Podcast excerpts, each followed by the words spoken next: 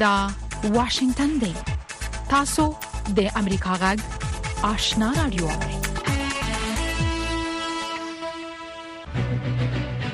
قدرمن اوریدونکو السلام علیکم زه شافیا سردار یم دا د امریکا غږ آشنا رادیو خبرونه پیل شوه لومړی خبرونه واوري السلام علیکم درنو اوریدونکو زه نذرانه یوسف سیم تاسو خبرونه اوري په کابل کې د طالبانو امنیي مسولین وایي چې د خار په سوالسمي حوزې کې په وی چاودنې کې درې عام افغانان وژل شوې دي د طالبانو د امنیي کمانډانۍ د ویان خالد زدران په خبر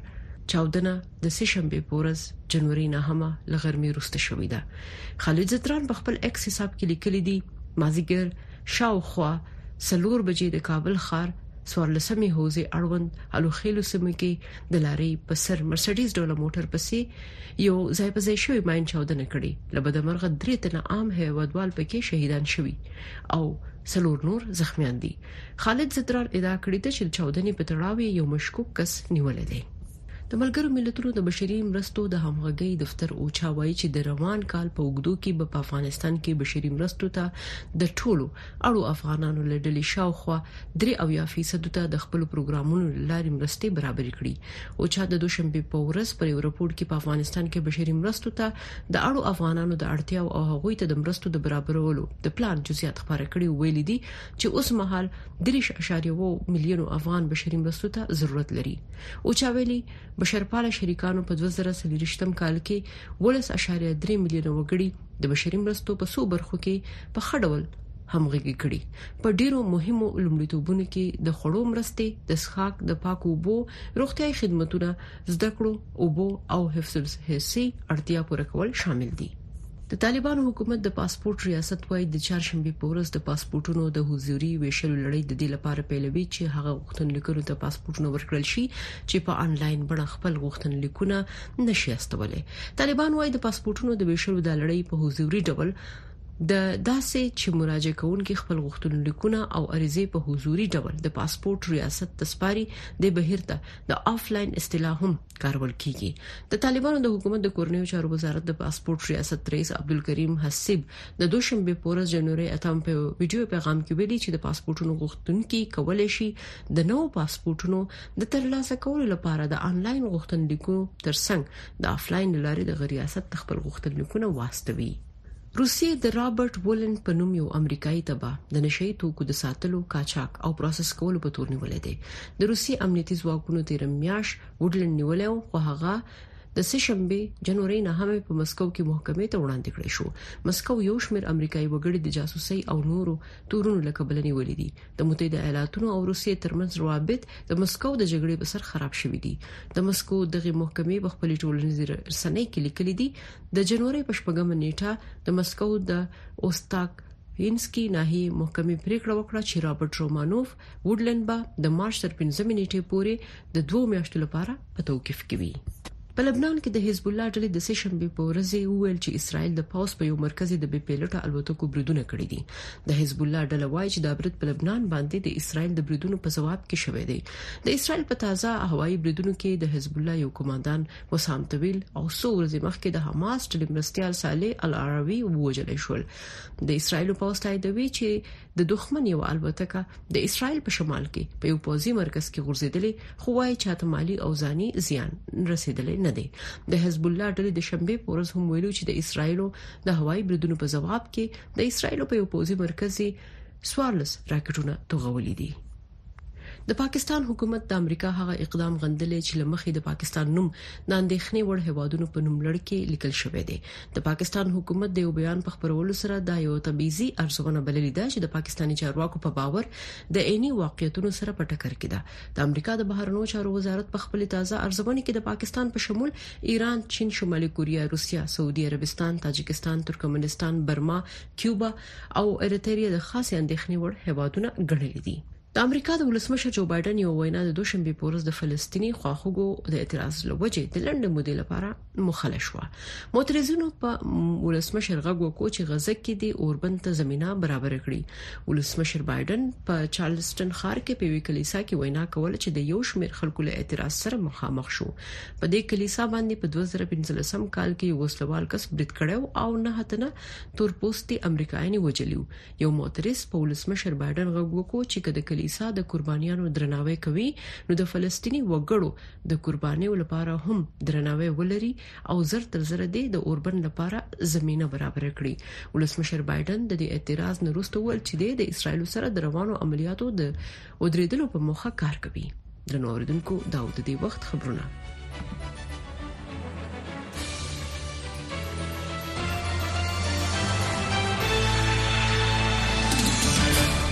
خبرونه مو د امریکا جغ آشنا رادیو څخه واوریدل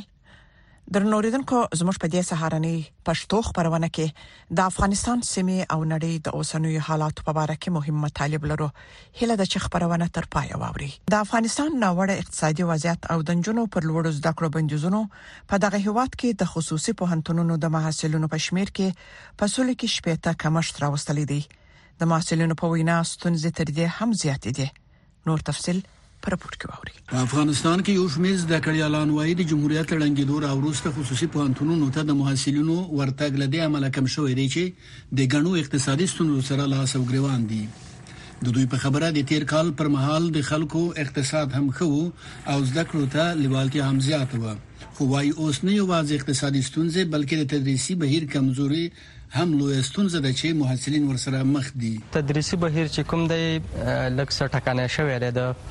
نوي حکومت په راتګ سره چون د حکومت اولني کلونه دي او دغه تدریسي بهیر لږ څه ټکنی شوی دی نو د خلکو اقتصاد هم په د سره لږ څه خراب شو لکه څنګه چې په جمهوریت کې به په کومه کچه خلک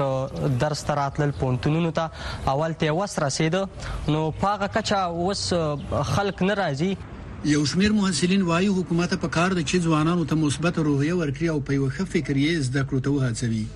دوی زیاتوي، که څه هم خلک اقتصادي ستونزې لري، خو ځوانان باید خپل همت ونه بایلي او خپلو زده کړو ته دوام ورکړي. د دوی لپاره لومړی دا دی چې په کار دا ده چې دوی ته خپله د کورنۍ یا د استادانو دې تر څنګ د حکومتي چارواکو له خوا مثبت فکر ورکول دي، مثبت فکرونه ورکول دي په مختلفو طریقو سره، په مختلفو طریقو سره په دې معنی، دا اطمینان یا دا وعده ورکړل شي چې که تاسو چیرته فارغ کې موږ به کوشش وکړو چې تاسو په خو دولتي ادارو کې مقرر کړو. په کابل کې د یوه خصوصي پوهنتون رئیس علي احمد یوسفي وايي، له سیاسي بدلون راپدېخوا دوی شپېته سلنه محصلین له لاسه ورکړي دي چې زیاته برخه یې نجونې دي. یوسفي زیاتوي، د پخوا په پرتله ډېر کم محصلین اوسمهال دوی ته مراجعه کوي. در سال 1400 قبل از تحولات ما تقریبا 4300 محصل در دو مقطع لیسانس ماستری در پانتون کاتب مشغول تحصیل بودند و تقریبا برتون گفته میتونم که نزدیک به سی فیصد از اینها خانم ها بودند که در حال تحصیل در هر پانتون بودن بعد از, بعد از تحولات تعداد تقریبی میتوانم بگویم 60 فیصد محصل خودم از دست دادیم و این تعداد به اولوش بین 1700 تا 1800 محصل رسید په ننګرهار کې یو بل خصوصي پوهنتون د عامړي کوم مسول فردوس بشرمل وایي د خلکو اقتصادي ستونزو ته پکاتو یو شمیر پوهنتونونو په میاشتنیو فیسونو کې خورا کموالی راوستي دی نو نوموړي په وینا کې هم دغه کمښت د پوهنتونونو په زیان تمامېږي خو په اوس وخت کې اړتیا ده چې د خلکو اقتصادي ستونزو ته په کتو مخته ولاړ شي. دا چې فیسونه یو څه لوړ وي او د خلکو اقتصادي وضعیت هغومره ښه نه دی لکه پخوا چې ډېر خلک داسې وسه یې لرله، اوس هغومره په هغه حالت کې نه دي. موږ چون فیسونه ډېر کم ټاکلي وو، یوازې تقریبا د نه نیم سو په شاوخوا کې ماسرین موږ په تیر سمستر کې جذب کړی شول او دلیل به هم دا و چې موږ د خلکو اقتصادي وضعیت ته وکته هغه سفیسونه موږ وټاکل دا په داس حال کې چې واک ته د طالبانو لرسیدو سره یو شمیر علمي کادرونه له هیواد څخه ووتل چې د چارې نه یوازې تدریسي بهیر ټکنی کړ، بلکې له امله یې زده کړو ته لېوالتیا هم کمه شوه او تر څنګ یې ډېری محصلینو د اقتصادي ستونزو له امله خپلې لوړې زده کړې په نیمايي کې پرېښودې. غورځنګ، د امریکا غږ، واشنګټن. انتظار پای ته ورسید. درنو لیدونکو او اوریدونکو تاسو کولی شئ د امریکا غږ تلویزیونی او رادیویی خبرونه د یاسات ساتلایت له طریقه وګورئ او واوري د نوي سټلایټ لارې تاسو د آشنا اتصال او کاروان ټلویزیونی خبرونه کتلای هم شئ د امریکا غږ د افغانستان څنګه خبرونه په 398 چینل او د آشنا رادیوي خبرونه په 398 چینل کې اوریدلای شئ لملتيامو د تل پشان مننه درنوریدونکو د متحده ایالاتو د بهرنیو چارو وزیر د سیمې هیوادونو ته د خپل سفر په ترڅ کې پرون د سه شنبه په ورځ په تل ابیب کې د اسرایل له لومړي وزیر بنیامین نتانیاهو سره وکتل دغه لیدنه په داسې حال کې کیږي چې اسرایلی ځواکونو پر غزه خپل سخت بمباروي ته دوام ورکړی دی د اسراییل او حزب الله ترمنځ نښتې وروسته له هغه زیاتې شوې چې د حزب الله مشر حسن نصرالله وویل، د اسراییل له خوا د حماس د مرستیال صالح العروري وژل کېدل به بې مجازاته پاتې نه شي. د نصرالله څرګندونو په خاص ډول د لبناني عیسویانو ترمنځ د یوې نوې جګړې د رامنځته کېدو وېره زیاته کړې ده. الیس چې د بیروت ښار په ختیځ کې له خپل خاوند بشیر او شپږو ماشومانو سره په یوې تهکوي کې ژوند کوي خپل وم ماشوم ته سترګې په لار ده هغه په داسې حال کې چې له وړاندې له ستونزو او بدبختیو سره مخ ده وایي جګړه به ژوند خراب کړي هلا من دا الخايفين وبس اذا بيصير حرب مش وېرېږم چې جګړه به بېروت ته ورسېږي، نه پوهېږم چې له ماشومانو سره څه وکړم، چېرې پټېدای شو، اوس که څه هم بې وزلي یو، خو یو څه خواړه ورکولای شم، بیا څه؟ خدایه موږ وساته. خو خلک وايي په داسې یو نامعلوم وخت کې د خپل باور او ایمان لارې قوت او ملاتړ ترلاسه کوي. اوس خلک په دې فکر کوي چې لبناني سیاستوال او د نړۍ مشران کړکېچ ته د حل لارې د موندلو وړتیا نه لري او خدای ته مخه کوي. یوازې خدای موږ ته هوساینه او قوت راکوي چې پر مخ ولاړ شو. د مریم پخلنځي په نامه د عیسویانو خیریه بنسټ درې کاله وړاندې د کارنتینا په نامه سیمه کې چې د دوه زره او شلم کال په اګست کې د بیروت ساحل ته نږدې د یوې پراخې چاودنې له امله زیانمن شو، پرانیستل شوی دی. رضاکاران دلته هره ورځ د بېوزلو لپاره یو زر او پنځه سوه بستې خواړه جوړوي. خلک موږ ته راځي او پوهېږي چې دلته د یوه سنټ له ورکولو پرته د ځان د مړولو لپاره خواړه ترلاسه کولای شي. خدای مهربان دی، هیله منه یم چې د هغوی سره مرستې ته دوام ورکړل شي. لبنان چې اتیا سلنه نفوس یې د بېوزلۍ تر کرښې لاندې ژوند کوي، په معاصر تاریخ کې تر ټولو ناوړه اقتصادي او مالي کړکېچ تجربه کوي. د پیسو ارزښت د دوه زره نهم کال څخه مخکې مودې په پرتله چې یو ډالر په یو زرو پنځه سوه لیرې بدلېده او اوس نه اتیا زره لیرې بدلېږي، په ناوړه شکل راکښته شوی دی. اوس مهال د لبنان لیره بې ارزښته شوې ده، که جګړه زیاته شي، اقتصاد به نور هم خراب شي او ناوړه بشري عواقب به ولري. د ایران له ملاتړ څخه د برخمن حزب الله ځواکونو او اسرایلي پوځیانو ترمنځ د سرحد په اوږدو کې نښتې چې د اکتوبر له اتمې راهیسې پیل شوې اوس زیاتې شوې دي د لبناني ځواک ګوند او د عیسویانو خیارخې مخالف ګوند له حزب الله غواړي چې د یوې نوې جګړې د پیل مخه ونیسي د حزب الله شتون خپله د هیواد د ثبات لپاره یو ګواښ دی، دا یوازې د لبنانیانو مشکل نه دی، دا یوه سیمه ییزه او نړیواله مسئله ده چې باید پام ورته وشي. اوس مهال اکثریت لبنانیان هیله من دي چې هیواد یې د حماس او اسراییلو په جګړه کې ښکیل نه شي. سمیع الله جلالزی د امریکا غږ.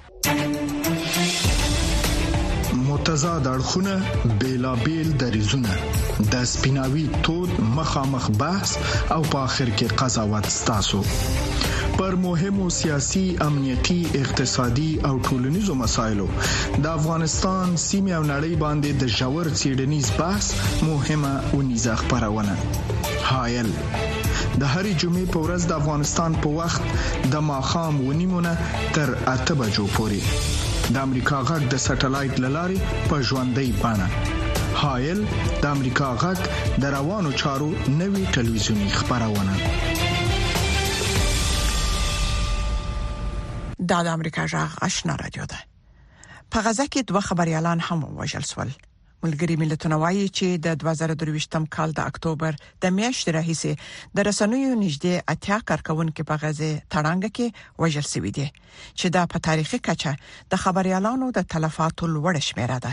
او دغه بنسټ له همدې عمله اندیشمن دی نور تفصيل په دې راپور کې واوري یو بل د غم ډک اورز د الجزیره ټلویزیون د غزي څنګه مشر وایل الدهدو لخپل زوی حمزه سره وروسته خدای پمنی کوي حمزه دهدو هم د الجزیره ټلویزیون سره دند لرله نو مړی یو له هغه دوه خبريالانو څخه دی چې په دې وروستیو کې په غزا کې ووجل شول دا د وایل لپاره د کورنۍ د یو بل غړي له لاسه ورکول دي. د الجزیرې ټلویزیون د غزې څانګې دغه مشر په اکتوبر میاشت کې د ژوندۍ خپرونې په جریان کې خبر شو چې په یو برید کې یې میرمن، پنځلس کلن زوی، اووه کلنه لور او یو لمسی وژل شوي او یو زوی یحیی یې سخت ټپي دی.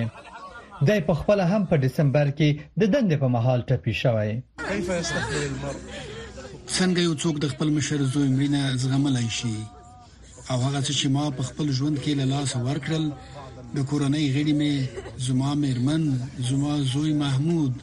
شام او ادم زه دا څنګه وزغمم د الدهدو زوی حمزه او د فرانسې خبري اژانس آزاد خبريال مصطفی سوریا له یوې دندې بیرته راستانه شوي وو چې د اسراییلو هوایي ځواک یې پر موټر برید وکړ. د اسراییلو پوځ رویټرز خبري اژانس ته وویل چې دوی یو ترهګر پیژندلی او په نښه کړی او دوی د راپورونو څخه خبر دي او په موټر کې دوه نور شکمن کسان هم په نښه شوي. د خبریالانو د خوندیتوب کمیټه وایي چې تر اوسه لږ تر لږه نه اویا خبریالان وژل شوي چې نږدې ټولي فلسطینیان دي په دومره لنډه موده کې د دومره ډیرو خبریالانو وژنې ملګري ملتونه اندېښمن کړي خبريالان خپل ژوند په خطر کې اچوي ترڅو حقیقت په ټوله نړۍ کې ټولو ته ورسوي او دا په داسې حالاتو کې چې دوی ورسره مخ دي ډیره سخته ده په واشنګټن کې د اسراییل سفارت په دې اړه امریکا غږ ته له څه ویلو ډډه وکړه، خو ویاند یې مخکې ویلي وو چې ځواکونه یې هیڅکله په قصدي توګه خبریالان نه په نښه کوي. خو د رویټرز خبري اژانس په ګډون څېړونکي دا نه مني. تیره میاشت موندنو وښودله چې د اکتوبر په میاشت کې د اسراییل ټانګ په ډزو کې د یو خبري اژانس خبریال عاصم عبدالله په قصدي برید کې ووژل شوی دی. موندنې ښايي چې اسراییل د خبررانو له ځایه خبر وو. دا یو ویجاړونکی حالت دی. موږ ګورو چې خبریالان نه شي کولی خپلې دندې ترسره کړي. دا ډول بې باکه بمباریو د خبریالانو د کار مخه ډب کړې ده. په داسې حال کې چې الده دوه د خپلې کورنۍ یو بل مړی ښخ کړ، د جرمونو نړیوالې محکمې بې سرحده خبریالانو ته منلي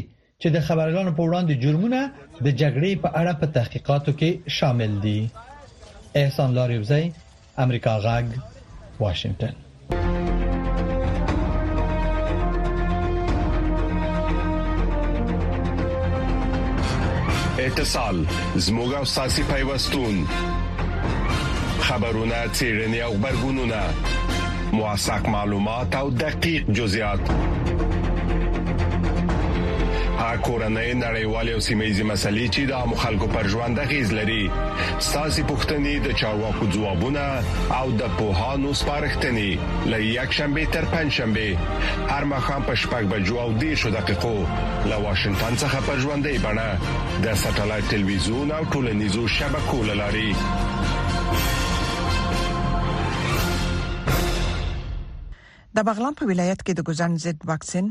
د تطبیق لپاره هغه ماشومان زیات تر پاملرنې لاندې دي چې ممکن ژر یې وایروس اغیزمن کړي زموږ همکار عاشق الله جلالزی ل رضاکارانو سره ګرځیدلې دي او د دوی سره د خلکو د چلن او کار پر جریان رپورت چمتو کړی دی البدین کاکاو وړه ماشومان راوباسه نوې پیدا تر دا وار کمپاین د ژمي په ساړه موسم کې وو کبیر او خان ولی دوه تنه هغه رضاکاران دي چې په بغلان ولایت کې د ګوزڼ ضد واکسین ماشومانو ته تطبیق کوي دوی پر دې باور د خلکو دروازې ټکوي چې ګوزڼ له افغانستان ورک کړي او هر ماشوم ته واکسین ورسوي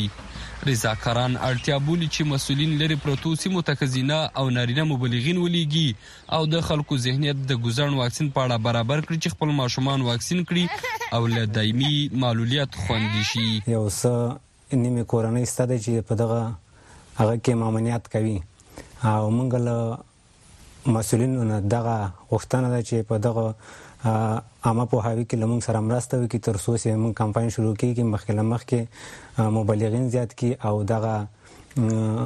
منکرې کورنۍ وپوهوي تر څو دغه مونږ پروسه په ښه ډول او په شفاف ډول تطبیق شي او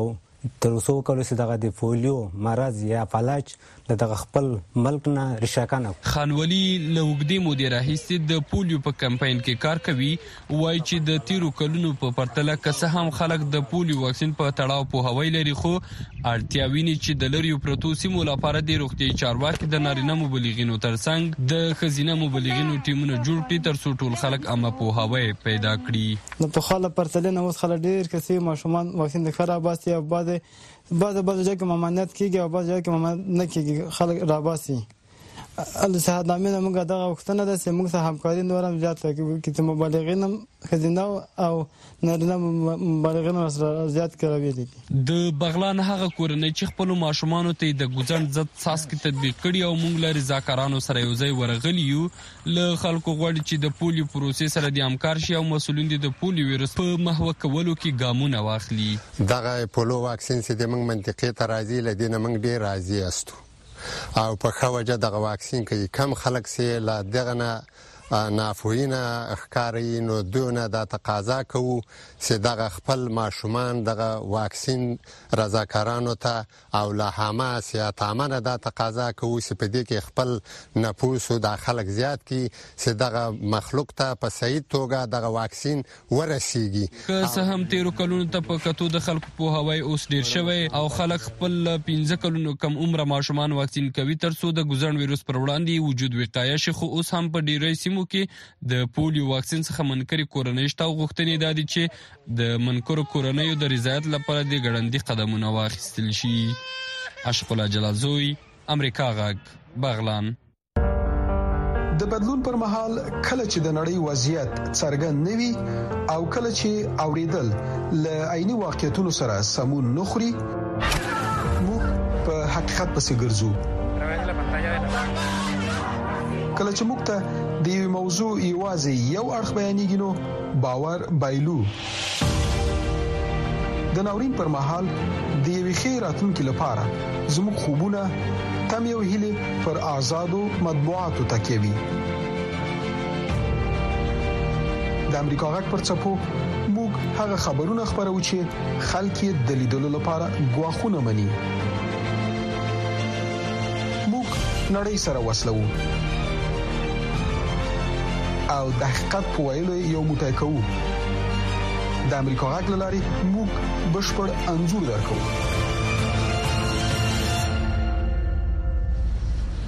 او د هم د دې خبرونې مرکه په ایران کې د داعش خراسان ډلې د بریدونو څخه ورسته اوس په افغانستان کې د دې ډلې فعالیتونو ته پام زیات شوی دی د ترهګرۍ سره د مبارزې په برخه کې د ملګرو ملتونو لوړپړی سلاکار اډموند فیټن براون امریکا ژغته په یوې ځانګړې مرکه کې وویل چې د هغه څخه ورسته چې طالبانو د افغانستان واک ترلاسه کړی په افغانستان کې د دایښ خراسان ډلې فعالیتونو ډیره وده کړې ده هغه زیاتوي چې طالبان د دغه ډلې ځپل غواړي خو ورتیا یې نه لري Iran's attack has been termed as deadliest د ایران برید د 1999 کال راهیسې تر ټولو خونړی برید بلل شوی آیا دا تمه کېده چې داعش خراسان ډله د دومره لوی برید د تر سره کولو وړتیا لري Yes I think it was um of course هو زه فکر کوم چې دا تمه کېده البته دا یو غیر معمولی لوی برید وو مګر داعش په تیر وختونو کې په افغانستان کې لوی بریدونه تر سره کړی دي او پخوا هم په ایران کې د داعش بریدونه شوي دي نو ایران د داعش خراسان ډلې هدف وو او کله چې تاسو فکر کوئ چې ایران او افغانستان یو بل ته نږدې دي زما په اند دا د حیرانتیا خبره نه ده چې داعش دا وړتیا ولري How do you see the threat of ISIS? سیمه او نورې نړۍ ته د داعش ګواښ څنګه ارزوي؟ دا یو پیچلی سازمان دی لکه څنګه چې له نوم څخه ښکاري دا په بنسټیز ډول په سوریه او عراق کې میشت دی خو په منځني ختیځ کې او په ځانګړي توګه په عراق او سوریه کې د ترهګرۍ ضد عملیاتو لامل د پاموړ تخریب شوی داعش غواړي په ټوله نړۍ کې خپل څنګه ځواکمنې کړي چې لا خپلواک شي او مبارزې ته دوام ورکړي شي دغه ډله په دې پوهیده چې ښایي په عراق او سوریه کې له ماتې سره مخ شي او حتی لمنځه ولاړ شي نو په افغانستان کې اصلي فرصتونه ولیدل دلته داعش خراسان ډله یو څه لمخ کې څخه پیاوړې و او بیا چې طالبان په 2020 کال کې افغانستان یې ونیو نو هلته د داعش فعالیتونو ډیره وده وکړه ستاسو په نظر طالبان د داعش د ځپلو توان لري؟ طالبان هڅه کوي چې مخه ونیسي دوی د داعش د مخنیوي لپاره خپل دلایل لري او داعش وایي چې طالبانو د جهاد سره خیانت کړی دی لامل دی عمل طالبان هڅه کوي چې د دې مخه ونیسي خو د طالبانو په جواب کې ځنې کمزورتیاوي شته تر ټولو لومړی طالبان د یاغیانو پر وړاندې د هوایي عملیاتو وړتیا نه لري چې په خواني افغان حکومت له خپل ناتو متحدینو سره لرله دوهم طالبان ګډې انګېزې لري، طالبانو په خپله له افغانو لږکیو سره ښه چلند نه دی کړی او پر دوی د بریدونو په اړه اندېښمن نه دي، خو د نړیوالو دا تمه چې پر طالبانو د داعش په وړاندې د ملګري په توګه تکیه کولای شي، یوه پېچلې پوښتنه ده. د طالبانو او داعش ترمنځ ایډیالوژیکي توپیرونه څه دي؟ ایا فکر کوئ چې طالبان به د ایران سره، چې یو شیعه حکومت دی، د داعش په ضد اتحاد جوړ کړي؟ هو داعش خراسان ډله طالبان تورنوي چې دوی د لویدیز ګډاګي دي البته دا د خنداوړ خبره ده دوی دا اصطلاح د طالبانو د بدنامولو لپاره کاروي او وايي طالبان نور جهاد نه کوي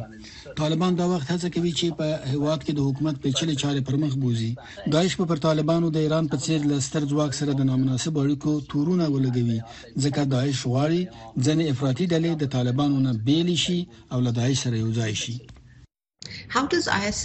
داعش څنګه له مالي پلوه ځان ساتي؟ دوی له کوم ځای نه مالي ملاتړ ترلاسه کوي؟ دا د وخت په تېرېدو سره بدل شوي دي. یو وخت و چې دوی د افغانستان په ختیځ کې خاوره کنټرولوله او کله چې یوه سیمه په کنټرول کې وي، نو دا اسانه وي چې د سرچینو څخه یې ګټه پورته شي اوس دوی نور مالي ملاتړ نه لري مګر دوی بس پنه لري ځنه یې په افغانستان کې له داخلي پلویانو څخه او ځنه یې په بهر کې له خواخوږو څخه ترلاسه کوي خو یو تر ټولو جالب پرمختګ چې مونږ ولیده هغه چې کله طالبانو په 2020 کال کې د افغانستان واک ترلاسه کړ په عراق او سوریه کې د داعش مشرتابه په دې پوهیدل چې د داعش خراسان لپاره یو فرصت دی چې وده وکړي او ډیر غزناک شي نو دوی اضافي پیسې داعش خراسان ته واړولې نو داعش خراسان د اصلي سازمان یعنی داعش څخه منظم مالي ملاتړ تر لاسه کوي. او دا هم د پولیو په باره کې یو رپورټ.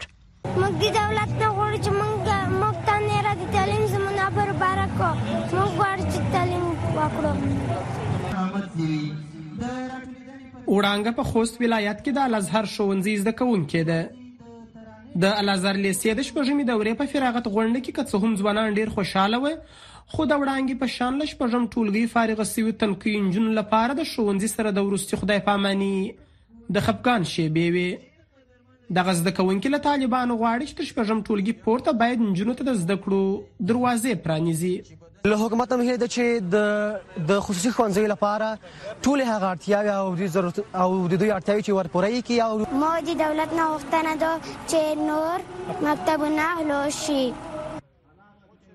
الازهر په خوست کې یو له هغه خصوصي لیسو څخه ده چې نږدې درې زره زده کوونکي لري چې دوه سوه یې نجونې دي. فعلا موږ تقریبا اووه ویشت سوه زده کوونکي لرو چې د هغې جملې څخه پنځه ویشت سوه تقریبا دوه نیم زره زده کوونکي دي او د دوه سوه په شاوخوا کې موږ جیناکۍ زده کوونکي هم لرو.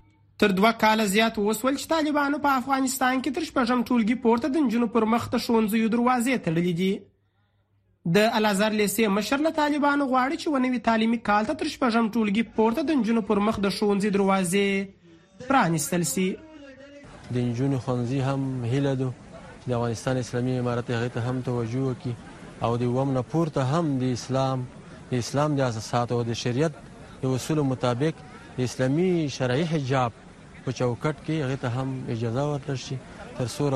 راتلونکي 1403 لمریز ښوونیز کال د تعلیم او تربیه په برخه کې د ښوونې او روزنې برخه کې یو بساره کال وګرځي د طالبانو له لوري د نجونو پر مخ د ښوونځیو بندیز له پراخو کورنیو او نړیوالو غبرګونونو سره مخ دی.